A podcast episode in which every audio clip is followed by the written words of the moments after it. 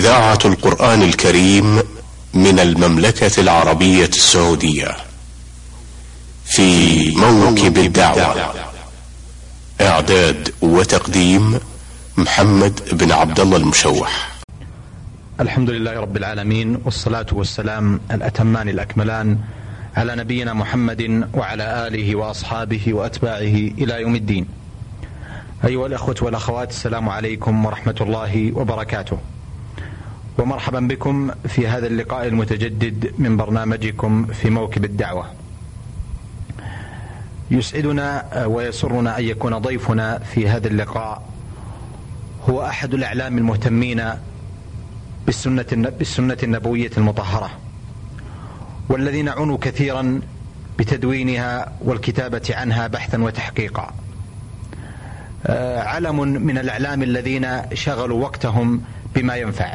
تدريسا وتعليما ودعوة. في مطلع هذا اللقاء أرحب بضيفنا الكريم صاحب الفضيلة الشيخ محمد أديب الصالح وأشكر له تفضله بإجابة دعوة البرنامج. حياكم الله فضيلة الشيخ. الله يبارك فيكم. أهلا وسهلا ومرحبا. أهلا وسهلا. فضيلة الشيخ في الحقيقة أن من خطط سير هذا البرنامج المبارك أننا في مطلع كل لقاء نحب أن نستمع من الضيف الكريم إلى نبذة مختصرة عن المولد والنشأة الأولى أين كانت صاحب الفضيلة؟ بسم الله الرحمن الرحيم. الحمد لله والصلاة والسلام على معلم الناس الخير سيدنا محمد رسول الله وعلى آله وصحابته ومن والاه. حقيقة هذه مناسبة طيبة أشكركم عليها وأرجو الله تبارك وتعالى أن يجعل فيها أن النفع على قلة البضاعة عندي في هذا المجال. المولد طبعا سنة ستة وعشرين وتسعمائة وألف للميلاد. في سوريا في بلدة قطنة تبعد عن دمشق ما يقارب أربعة وعشرين كيلومترا. وفيها كانت الدراسة الابتدائية ثم فيما بعد تحولت إلى دمشق باعتبار الوالدة من دمشق. وهنالك درست الدراسة الشرعية والدراسة العامة ويسر الله أن يعني تهيأ لي أن أحمل في هذه المرحلة الثانوية الشرعية مع الثانوية العامة. ولكن حصلت فجوة طيبة قبل ذلك أني عندما دخلت بعد الشهادة الابتدائية ما كان يسمى يوم ذا بمدرسة التجهيز والتي يعني يدخلها بعض الطلاب الذين يتقدمون إلى مسابقه تكون حياتهم داخلية فيها. حصل شيء من المرض قطعني عنها. وكان هذا السبب في أنني اتصلت بشيخنا وأستاذنا العلامة المربي الكبير الشيخ إبراهيم الغلايني رحمه الله. فأمضيت عنده سنوات طيبة في في قطنة حيث كنت ألازمه دائما وحصل من وراء ذلك بحمد الله خير كثير.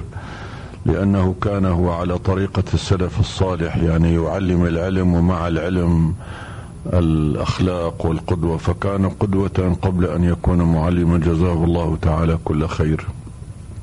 اللهم آمين. فضيلة الشيخ هذه هي يعني مبادئ النشأة الأولى مواصلة الدراسة الأخرى التي تلت هذه المرحلة أين كانت؟ الحقيقة هي الدراسة في دمشق بعد الدراسة مع شيخنا يعني جعلت الحبل موصولا بالدراسة الشرعية لأني في دمشق طبعا تعرفت على علماء كثيرين الذين درسونا منهم مثلا الشيخ هاشم الخطيب رحمه الله الشيخ حسن الشطي وأمثال هذين العالمين الكبيرين. فهذا يعني أحدث عندي مع دراستي للثانوية العامة أحدث الرغبة في متابعة الدراسة التي يعني تأخذ الطابع الشرعي والعناية بالعربية بآن واحد. فسبحان الله يعني كان التوجه إلى الدراسة في كلية الحقوق آه، تحت شعار آه، كنا نحمله مع بعض آه، إخواني من الشباب أن يعني يكون بجانب معرفتنا بالشريعة معرفة بال بالقوانين وأن يكون هنالك مقارنة كيما نبين فيما بعد فضل الشريعة الإسلامية. وانها هي التي يجب أن تحكم. كان هذا باعث الدراسة في كلية الحقوق. بعد أن سجلنا في كلية الحقوق آه، اختارتنا الدولة بضعة أشخاص كانت بدرجات متقدمة في الثانوية للإيفاد إلى الأزهر. فصارت الدراسة الجامعية سبحان الله مجنحة فكنا ندرس في الأزهر في كلية أصول الدين ونتقدم للامتحانات بالدوره الأولى وعندما يعود الواحد منا إلى إلى دمشق طبعا أنا وأخ آخر آه، كنا أيضا نتقدم إلى امتحانات كلية الحقوق في جامعة دمشق. فكان من تيسير الله تبارك وتعالى أن يعني وفق لحمل الإجازتين إجازة كلية أصول الدين في الأزهر وإجازة الحقوق في جامعة دمشق. هذا طبعا آه، فتح الباب على فكرة تكوين المكتبة وتكامل آه، آه، الثقافة الشرعية مع غيرها. وفي مصر تفتحت لنا آفاق كثيرة الحقيقة لأن مصر في الأربعينات يوم ذاك دائما فيها ندوات دائما فيها محاضرات دائما فيها لقاءات. يعني تكون الدراسة الرسمية في في الأزهر هي يعني أحد ال إحدى القنوات بالنسبة للمعرفة والثقافة وفيما وراء ذلك خير كثير. وتلك الأيام أيضا في سوريا باعتبار يعني دائما جو الحرية يعطي يعطي تفتح ويعطي منافسة في الخير. فكان في هذا والحمد لله رب العالمين يعني صله بالعلم والمعرفة من جذورها والتأصيل. كان في ذلك خير كثير والحمد لله. بعد أن تخرجت من الأزهر وكليه الحقوق كان لابد أن أكون مدرسا باعتبار أن الدولة هي التي أوفدتني للدراسة في الأزهر. فدرست في حلب في دار المعلمين وثانوية المأمون. ثم فيما بعد سنتين ثم فيما بعد انتقلت إلى إلى دمشق. وأيضا درست في دار المعلمين وبعض الثانويات. مضى على ذلك حوالي ست سنوات تقريبا أو خمس سنوات. وأعلن عن طلب معيدين لكلية الشريعة في جامعة دمشق. كانت أنشئت حديثا. نعم. يعني بعد إنشائها بعام واحد آه، وفق الله تعالى أن تقدمت إلى مسابقة المعيدين ونجحت فيها وأصبحت معيدا في كلية الشريعة نعم. حيث كان العميد الأستاذ الدكتور الشيخ مصطفى السباعي رحمه الله تعالى بعد أن أمضيت سنة في كلية الشريعة معيدا وأسهمت في التدريس يوم ذاك لأنها ناشئة وقلة المدرسين وفدت إلى جامعة القاهرة وهنالك آه، كانت الدراسة وكانت الدكتوراه بعنوان تفسير النصوص في الفقه الإسلامي.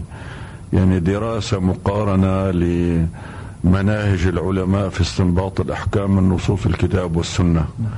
وكان من تيسير الله الحقيقة هنالك التعرف على علماء كبار في مقدمتهم شيخنا الشيخ محمد أبو زهرة والشيخ علي الخفيف وأضرابهما. كانت يعني الحقيقة رحلة فيها توفيق بالتعرف إلى هؤلاء العلماء الذين أيضا نهلنا من علمهم ومن أخلاقهم ومن حبهم للبحث والدرس. وما يزال الخير متوفرا الحمد لله رب العالمين. نذكرهم بخير دائما. نعم. فضيلة الشيخ آه، قبل أن نتجاوز هذه النقطة آه، أؤكد على أن ذكرتم في ثنايا الحديث السابق عددا من الأسماء المهمة من المشايخ والعلماء الكبار الذين نهلتم من علمهم واستفدتم من علومهم ودعوتهم وتجربتهم. فضيلة الشيخ هل أستطيع ان ان, أن نحدد هذه الشخصيات والأسماء التي ذكرتموها؟ الشيخ الغلاييني والشطي والخطيب والسباعي وأبو زهرة. هل نستطيع ان أن تجملنا هذه الأسماء مع أبرز هذه الشخصيات التي تأثرتم بها أقربها لنفوسكم أقرب هذه الشخصيات تأثرا بها؟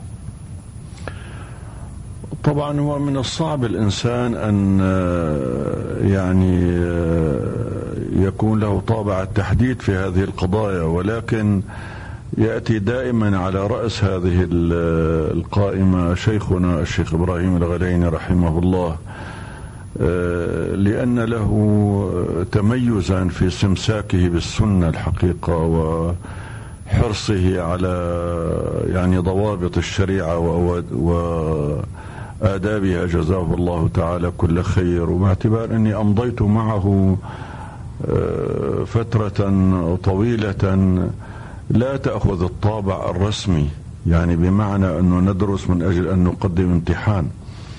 ولكن تأخذ طابع قريب مما كان عليه كانت عليه الدراسة عند السلف أن أن الطالب يأتي متطوعا إلى الشيخ فيطيع الله تعالى في أن يتعلم. والشيخ يطيع الله تعالى في أن يعلمه. وكما قلت كان يعلمنا بالقدوة كما يعلمنا بالكلمة والموقف. جزاه الله تعالى خيرا. وصحبته الحقيقة في الحضار والسفر.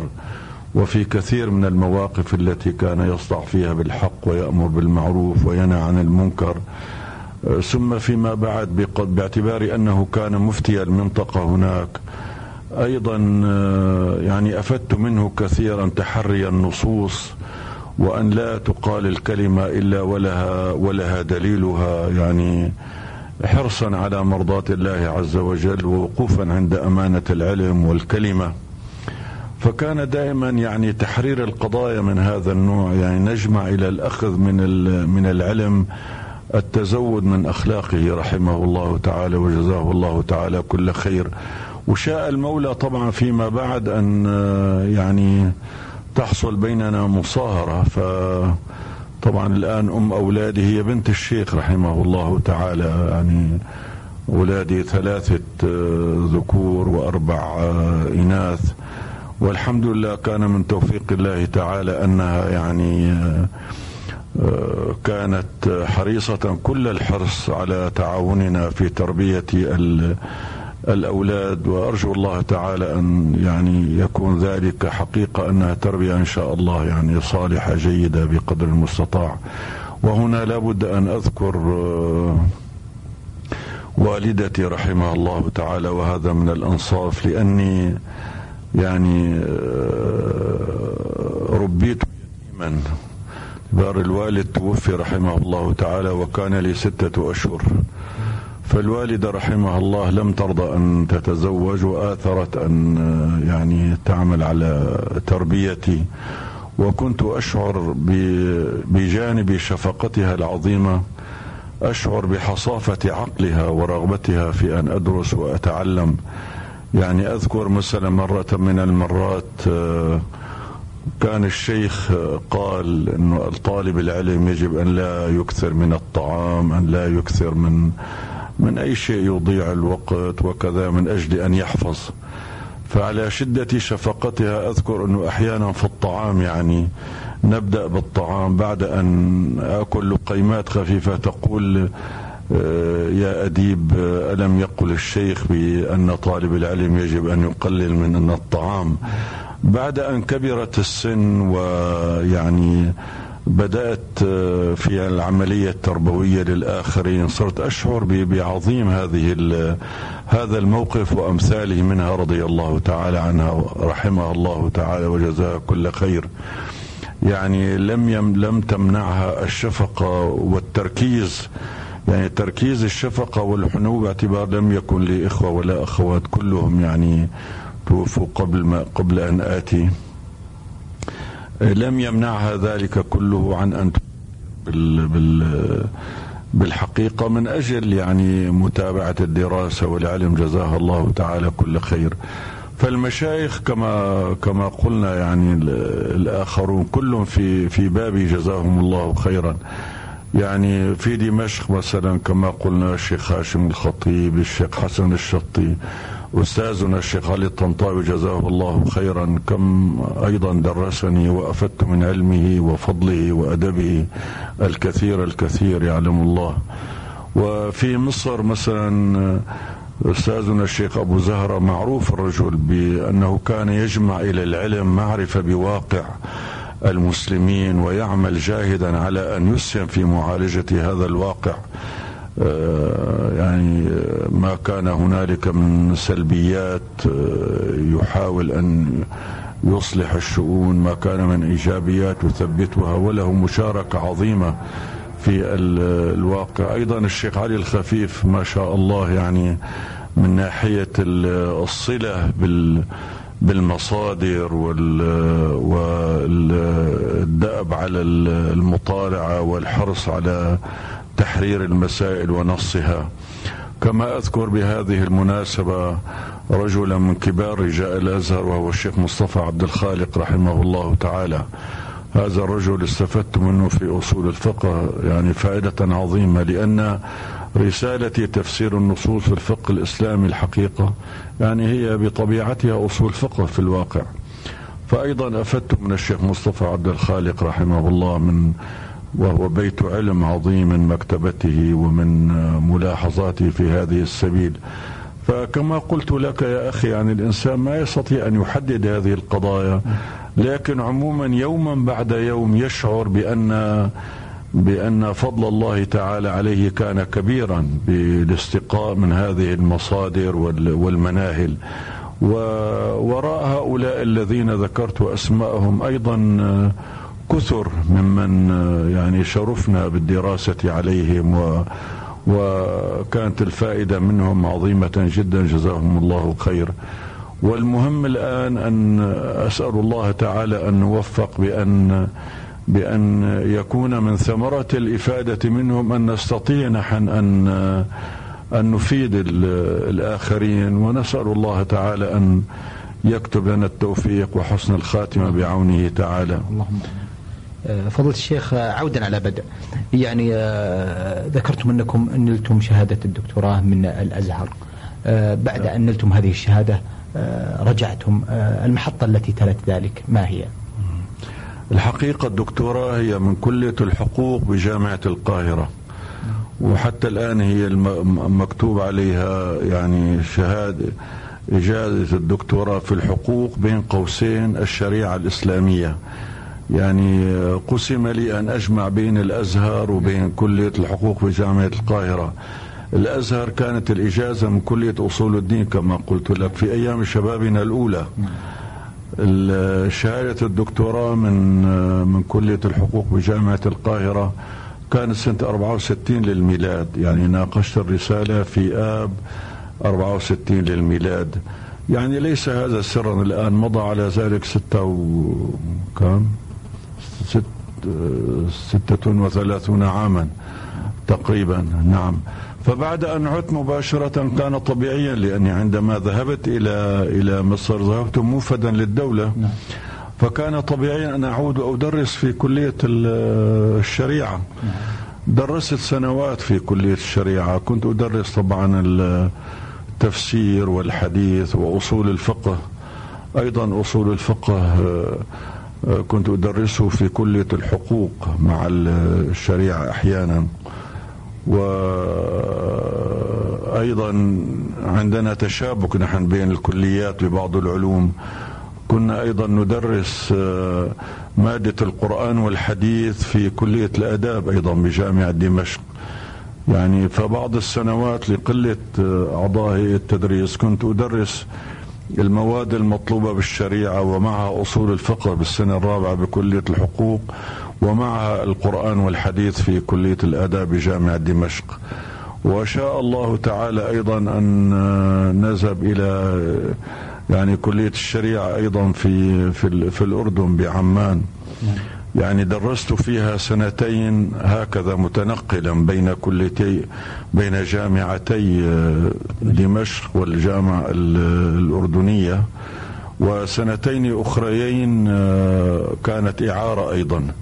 يعني درست أربع سنوات في في الجامعة الأردنية وكنت رئيس قسم أصول الدين هنالك في في كلية الشريعة. والآن أشعر بالأنس الحقيقة عندما أرى آه، أحد الخريجين من إخواننا الذين أصبحوا يعني أساتذة كبار ومدرسين وكذا. وبعض بعض منهم يعني من انصافه يقول والله عندما كنا ندرس معكم في كلية الشريعة بجامعة دمشق كنا نحس بأنكم يعني بالحزم تتشددون معنا يعني أكثر من اللزوم كما كنا نرى. لكن بعد أن بدأنا معركة الحياة ونرى خريج الشريعة من دمشق وخريج غيره والفارق بينهما ندعو لكم الحمد لله أن كنتم حازمين معنا و لهم على كونه إذا كانت القضية لله بين المدرس والطالب ما يكون وراء ذلك إلا الخير إن شاء الله. وهي كلية الشريعة بجامعة دمشق بهذه منشاتها الحقيقة كانت كلية صاحبة رسالة في الواقع بالمعنى الحقيقي. يعني كنا نحاول أن نربي الطالب لا على أنه ظرف معلومات يعني أنه نضع له فقط معلومات بهذا الظرف لا ولكن كانت المعلومة جزء من تكوينه الثقافي بحيث يشعر بأنه صاحب رسالة يجب أن يؤديها في المجتمع وهذا ما نراه الآن الحمد لله في خريجين هذه الكليات يعني الشريعة بدمشق أو الشريعة بالأردن أو أو غيرها من الكليات. يعني الحمد لله كان الحصاد طيبا بفضله تعالى. حتى أذن الله تعالى وجئت إلى هنا إلى إلى المملكة وأكرمني الله تعالى بأن درست عشر سنوات في في كلية أصول الدين بجامعة الإمام. قدومكم كان عام ذلك. كان يعني ربما كان في الخامسة والتسعين بعد ثلاثمائة وألف الهجرة والله أعلم. يعني قاربت يعني وجودي هنا مضى عليه ما يقرب من ربع قرن الآن. بعد أن درست عشر سنوات بجامعة الإمام وهي الحقيقة من أعز الأيام عندي. يعني آه، كنت سعيدا بهذا التدريس لأنه حقيقة وصلني من جديد بالسنة أكثر من ذي قبل. يعني كنا في جامعة دمشق مضطرين ندرس يعني نعمل في حقل التدريس بالتفسير والسنة جميعا. فهنا صار نوع من التخصص عشر سنوات كوامل وأنا أعمل في هذا الحقل بفضل الله تعالى. يعني أنشأنا قسم السنة وعلومها مع بعض الإخوة وكأن هنالك طبعا وضع المناهج والإشراف على رسائل الماجستير والدكتوراه وكذلك مناقشة رسائل بالجامعات الأخرى من هذا القبيل. يعني كانت الحقيقة سنوات يعني أعتبرها في حياتي سنوات طيبة جدا التي أمضيتها في في جامعة الإمام. ثم فيما بعد انتقلت إلى جامعة الملك سعود. وأيضا آه، هي من الأيام والسنين العزيزة علي الحقيقة ثمان سنوات كوامل أيضا. وكنت آه، المسؤول عن شعبة التفسير والحديث و و يعني كنت سعيدا بالدراسات العليا سواء في جامعة الإمام أو في جامعة الملك سعود والآن من جديد أيضا بهذا الفصل بدأت أتعاون مع جامعة الملك سعود يعني هم جزاهم الله خيرا. يعني أرادوا أن نتعاون من جديد فأنا الآن يعني عندي ثمان محاضرات في هذا الفصل في في جامعة الملك سعود. بالتفسير والحديث. يعني أدرس آه، شعبة من الشعب شيئا من تفسير الطبري رحمه الله تعالى ومادة المدخل لعلوم الحديث. نعم. أثابكم الله فضيلة الشيخ. آه، بودنا أن نتعرف على آه، أبرز المؤلفات والكتب التي قمتم بكتابتها وتأليفها فضيلة الشيخ. طوال مشواركم العلمي في التدريس والتعليم. والحقيقة يعني آه، بدأ الأمر ب وأنا في في مرحلة تهيئة الدكتوراه وقعت على كتاب يعني أخذ من نفسي ما أخذه وهو تخريج الفروع على الأصول الامام الزنجاني.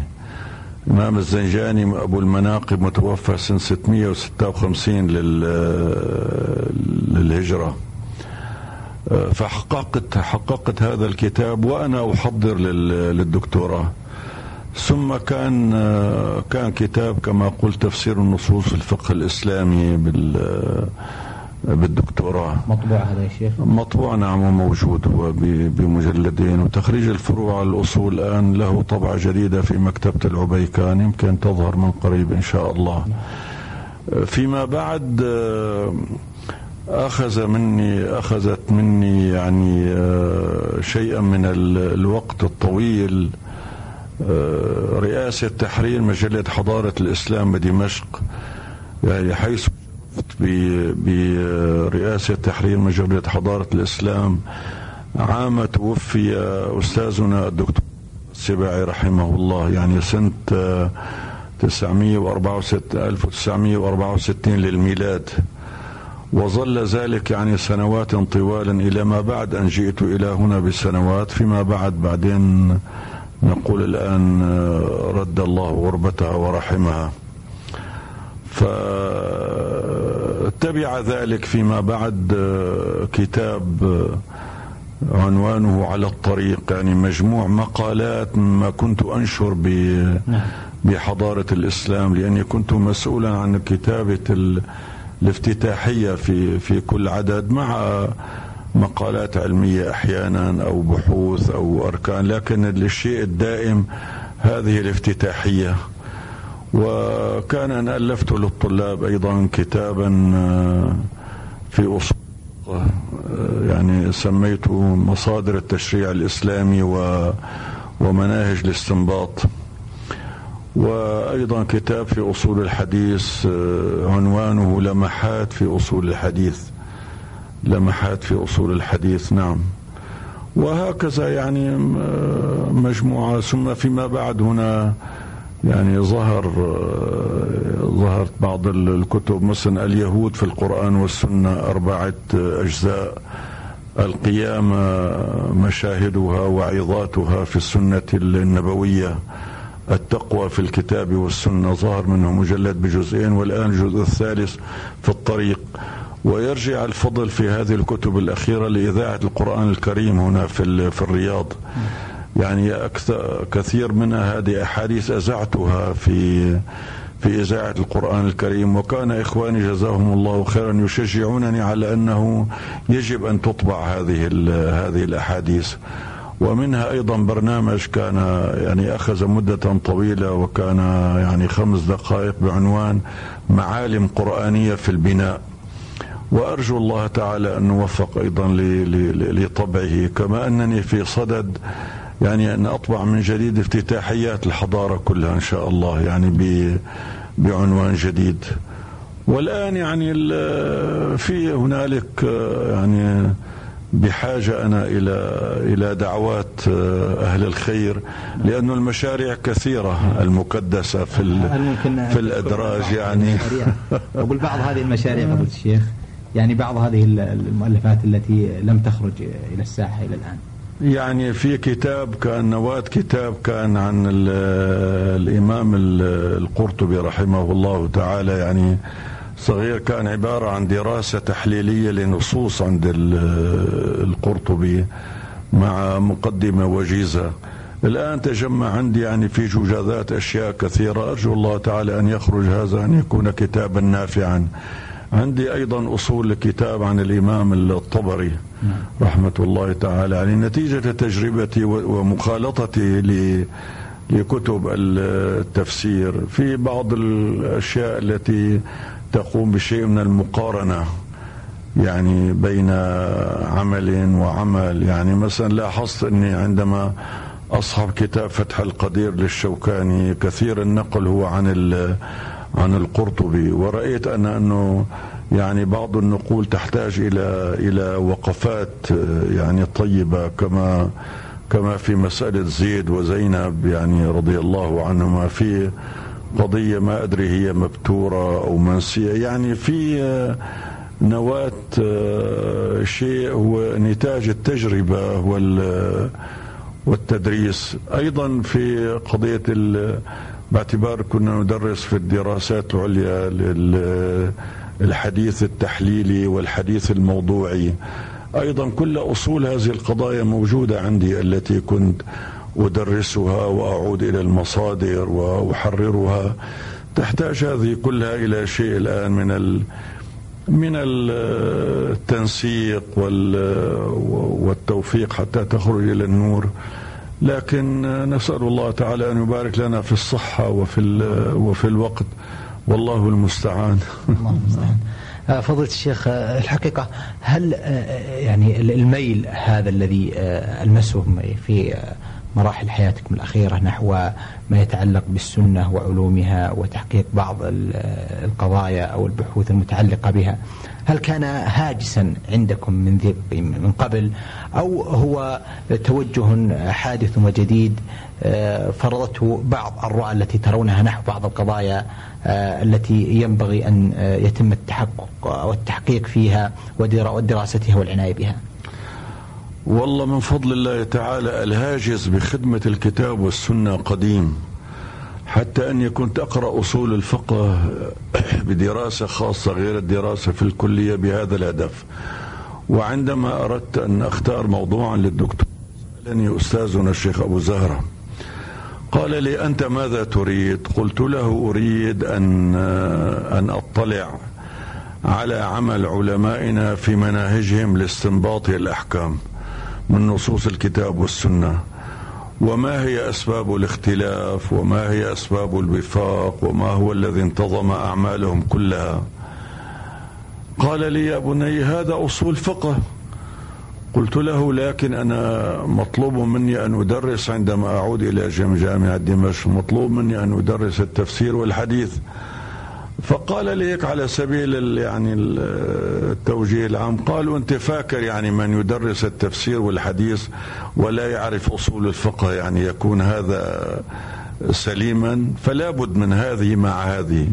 فأكرمني الله تعالى الحقيقة بهذا التكامل يعني على ضعفي أنه رأيت أنه فعلا بالعناية بأصول الفقه خدمة كبيرة للتفسير وللحديث من ناحية المعاني من ناحية الدراية طبعا لأنه معروف انه هنالك رواية وهنالك دراية. نعم.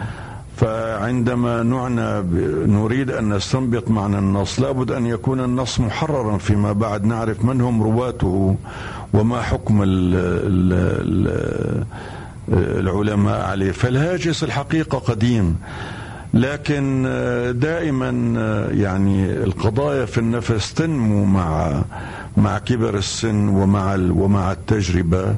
يعني نموا معينا يتناسب طردا أو عكسا مع الرغبة أو أو عدم الرغبة. فأنا الحمد لله الآن يعني دائما أسأل الله تعالى أن يوفقني لخدمة الكتاب والسنة وأرى أن من العناية بأصول الفقه أن آه، أن يعني من العناية بخدمة الكتاب والسنة أن يعنى الإنسان بأصول الفقه لتلتقي هذه الأمور كلها بعضها مع بعض. حتى من يقرأ مثلا الآن في كتاب التقوى أو غيره يعني تغلب علي أنني آتي بالآية الكريمة وإذا كان وجدت نظيرا لها من تفسير القرآن بالقرآن عندما أجد لها بيانا من الحديث النبوي وأحاول أن أضع يد القارئ على على هذه القضية كيف فسرت الآية من خلال كلام العلماء. إن كان تفسيرا بالمأثور أو كان تفسيرا بالرأي. ثم ما كان موقع البيان النبوي والإيضاح في هذه القضية. وما الذي يستخلص فيما بعد من هذه القضايا؟ يعني آه، أحيانا أقول أرجو أن لا يعني أدخل القارئ أنا في شيء من الصعوبة. عندما أكون أبحث في أمر من أمور التقوى لكن يجد نفسه في يعني جو من التفسير ومن الحديث ومن المقارنة. وأحيانا تكون هنالك حاجة لربط القضايا بقاعدة أصولية مثلا وما إلى ذلك. لكن آه، إخواني يحسنون الظن جزاهم الله خيرا يقول لا نحن يعني نجد متعة بهذه القراءة ونجد فائدة.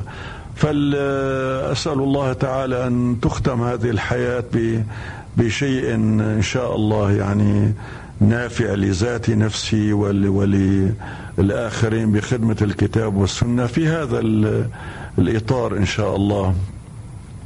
وبجانب ذلك يعني آه، تكون عندي لدى التجربة أنه بالنسبة للدعوة الإسلامية والمساحة الواسعة التي نراها في في آه، يعني أبناء المسلمين وبناتهم الصلة بالإسلام من من واجب يعني من واجب العلماء والدعاء الذين هم يعني على شيء من الصلة بأصول القضايا. أن يؤصلوا المعرفة الإسلامية عند هؤلاء عند هؤلاء. يعني تأصيل المعرفة الإسلام بمعنى أننا عندما نقول الإسلام صالح لكل زمان ومكان. يجب أن نؤصل هذه القضية في ثقافة الشاب في ثقافة الشابة. بحيث تعلم أن الله تعالى يقول كذا يعني تعلم هي ويعلم غيرها أن الله تعالى يقول كذا والرسول صلى الله تعالى عليه وسلم يقول كذا. ومنزلة السنة من البيان لقول الله تعالى هي منزلة عظيمة جدا. لأن نابتات السوء الآن دائما تحاول أن تشكك في النصوص.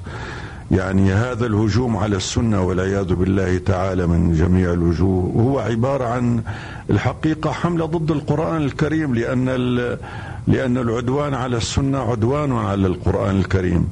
فلا بد لنا من تأصيل المعرفة الشرعية بحيث يعني ترتبط معارف هؤلاء الشباب وهؤلاء الشابات ترتبط بمنابعها الأولى من من الكتاب والسنة. ولو وجدوا أو وجد بعضهم حرجا في ذلك أول الأمر ولكن فيما بعد يكون من وراء ذلك خير كثير.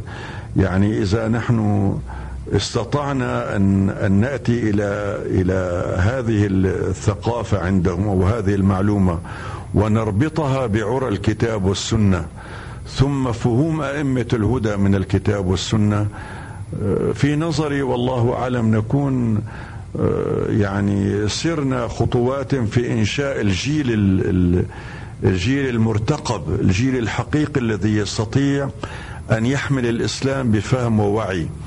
أما إذا فرضنا بأن مثلا شبابا آه، قد يؤذون من أجل الإسلام وقد يشردون وقد يتعبون ولكن قد تأتي إلى واحد منهم يا أخي طيب حقيقة الإسلام الذي أنت تدافع عنه ما هي؟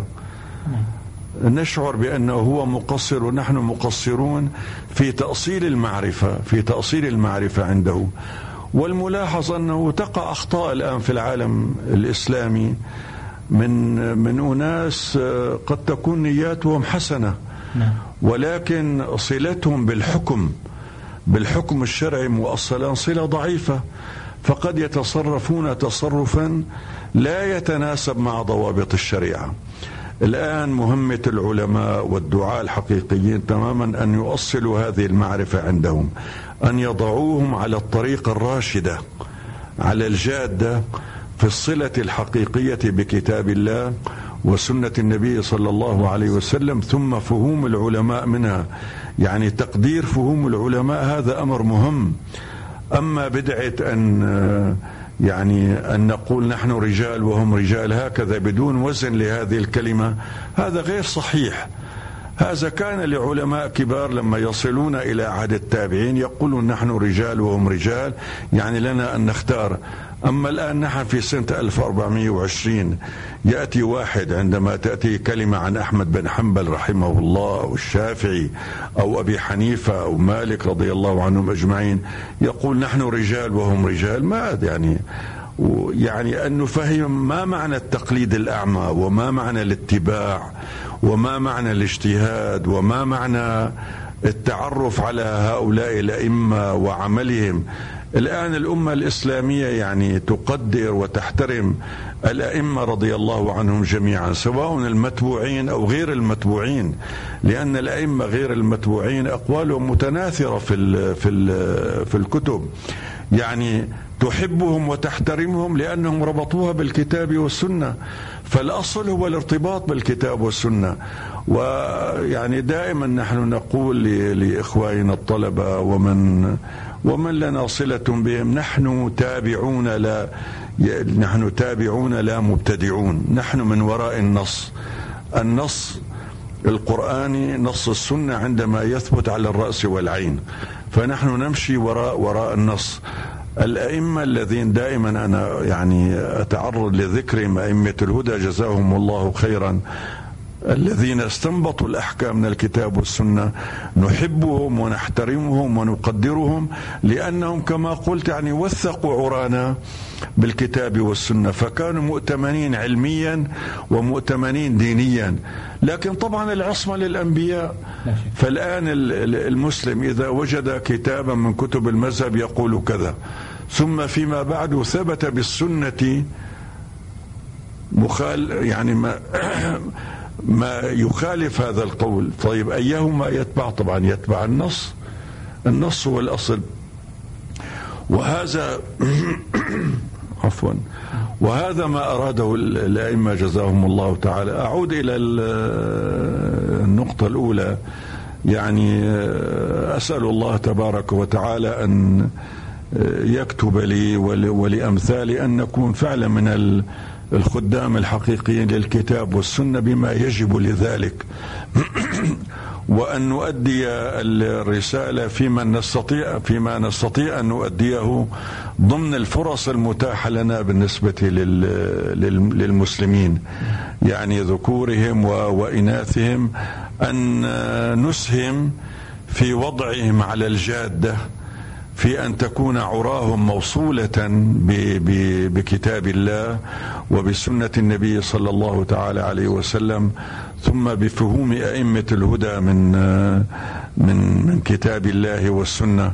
وإلا كيف يمكن أن يكون الاعتصام بالكتاب والسنة إلا بهذا؟ وطاعة رسول صلى الله عليه وسلم من طاعة الله هذا يجب أن تكون في عناية كبيرة جدا. حتى الدعاة إلى الله عموما يجب أن تؤصل معرفتهم. تؤصل تؤصل معرفتهم بهذا الإسلام الذي يدعون إليه. يعني دائما مرحله مرحلة الدعوة العامة وال والكلام العام عن الإسلام وخطوطه العامة يجب دائما أن يتبعها هذا التأصيل الحقيقة. أن يتبع هذا التأصيل وهذا من من الأمانة في الواقع. من الأمانة أن يكون أن أن تكون العرى كما قلنا متصلة دائما بالكتاب حقيقة وبسنه المصطفى عليه الصلاة والسلام حقيقة. وهذا الشيء يعني الآن الوقائع تدل دائما على أنه من أضر الضروريات. قضية الولاء البراء موازين من نوالي من نعادي من هم من هم الموالون لهذا الإسلام من هم المعادون لهذا الإسلام. كل هذا يجب أن يرتبط بضوابط شرعية بضوابط شرعية حقيقية من الكتاب من الكتاب والسنة. لذلك أنا الآن يعني أشعر الحقيقة بسعادة ب بهذا التعاون الآن مع مع جامعة الملك سعود بالتدريس في قسم الثقافة الإسلامية. يعني سبحان الله عندما بعد هذه التجربة والسن عندما أجلس مع الطلبة وأتحدث معهم عن عن السنة وعن من لهم مواقف معينة قديما وحديثا وما إلى ذلك أشعر الحقيقة بأنس كبير بجلوسي مع هؤلاء الطلبة. وأشعر فعلا يعني بأنهم أولادنا و وعندما نستطيع أن نقول لهم الكلمة التي يجب أن تقال أشعر بأنس وأن هذا إن شاء الله يعني إن شاء الله يقربنا إلى الله تعالى إذا حسنت النية. لا شك لا شك أن هذا من من من أعظم أبواب الدعوة إلى الله سبحانه وتعالى وتعليم الناس الخير. أيها الإخوة والأخوات كنا وإياكم طوال هذه الدقائق الماضية في حديث ممتع ضاف لا يمل مع صاحب الفضيلة الشيخ الدكتور محمد أديب الصالح الأستاذ في قسم الثقافة الإسلامية بكلية التربية بجامعة الملك سعود. في ختام هذا اللقاء آه، أتوجه بالشكر آه، الجزيل بعد شكر الله سبحانه وتعالى إلى فضلة الشيخ على قبوله دعوة البرنامج وعلى تفضله بالإجابة على أسئلتنا وحديثه وتوجيهاته المباركة والنافعة. آمل بإذن الله تعالى أن يكون لنا مع فضيلة لقاءات قادمة بمشيئة الله تعالى. وأنتم جزاكم الله تعالى كل خير على حسن ظنكم. وأرجو أن يكون في هذا إن شاء الله تعاون على الخير بعونه تعالى. صلى الله وسلم وبارك على سيدنا محمد وعلى آله وصحبه أجمعين. اللهم صل على محمد. نلقاكم أيها الإخوة والأخوات في لقاء جديد في الأسبوع القادم. والسلام عليكم ورحمة الله وبركاته. في موكب الدعوة. إعداد وتقديم محمد بن عبد الله المشوح.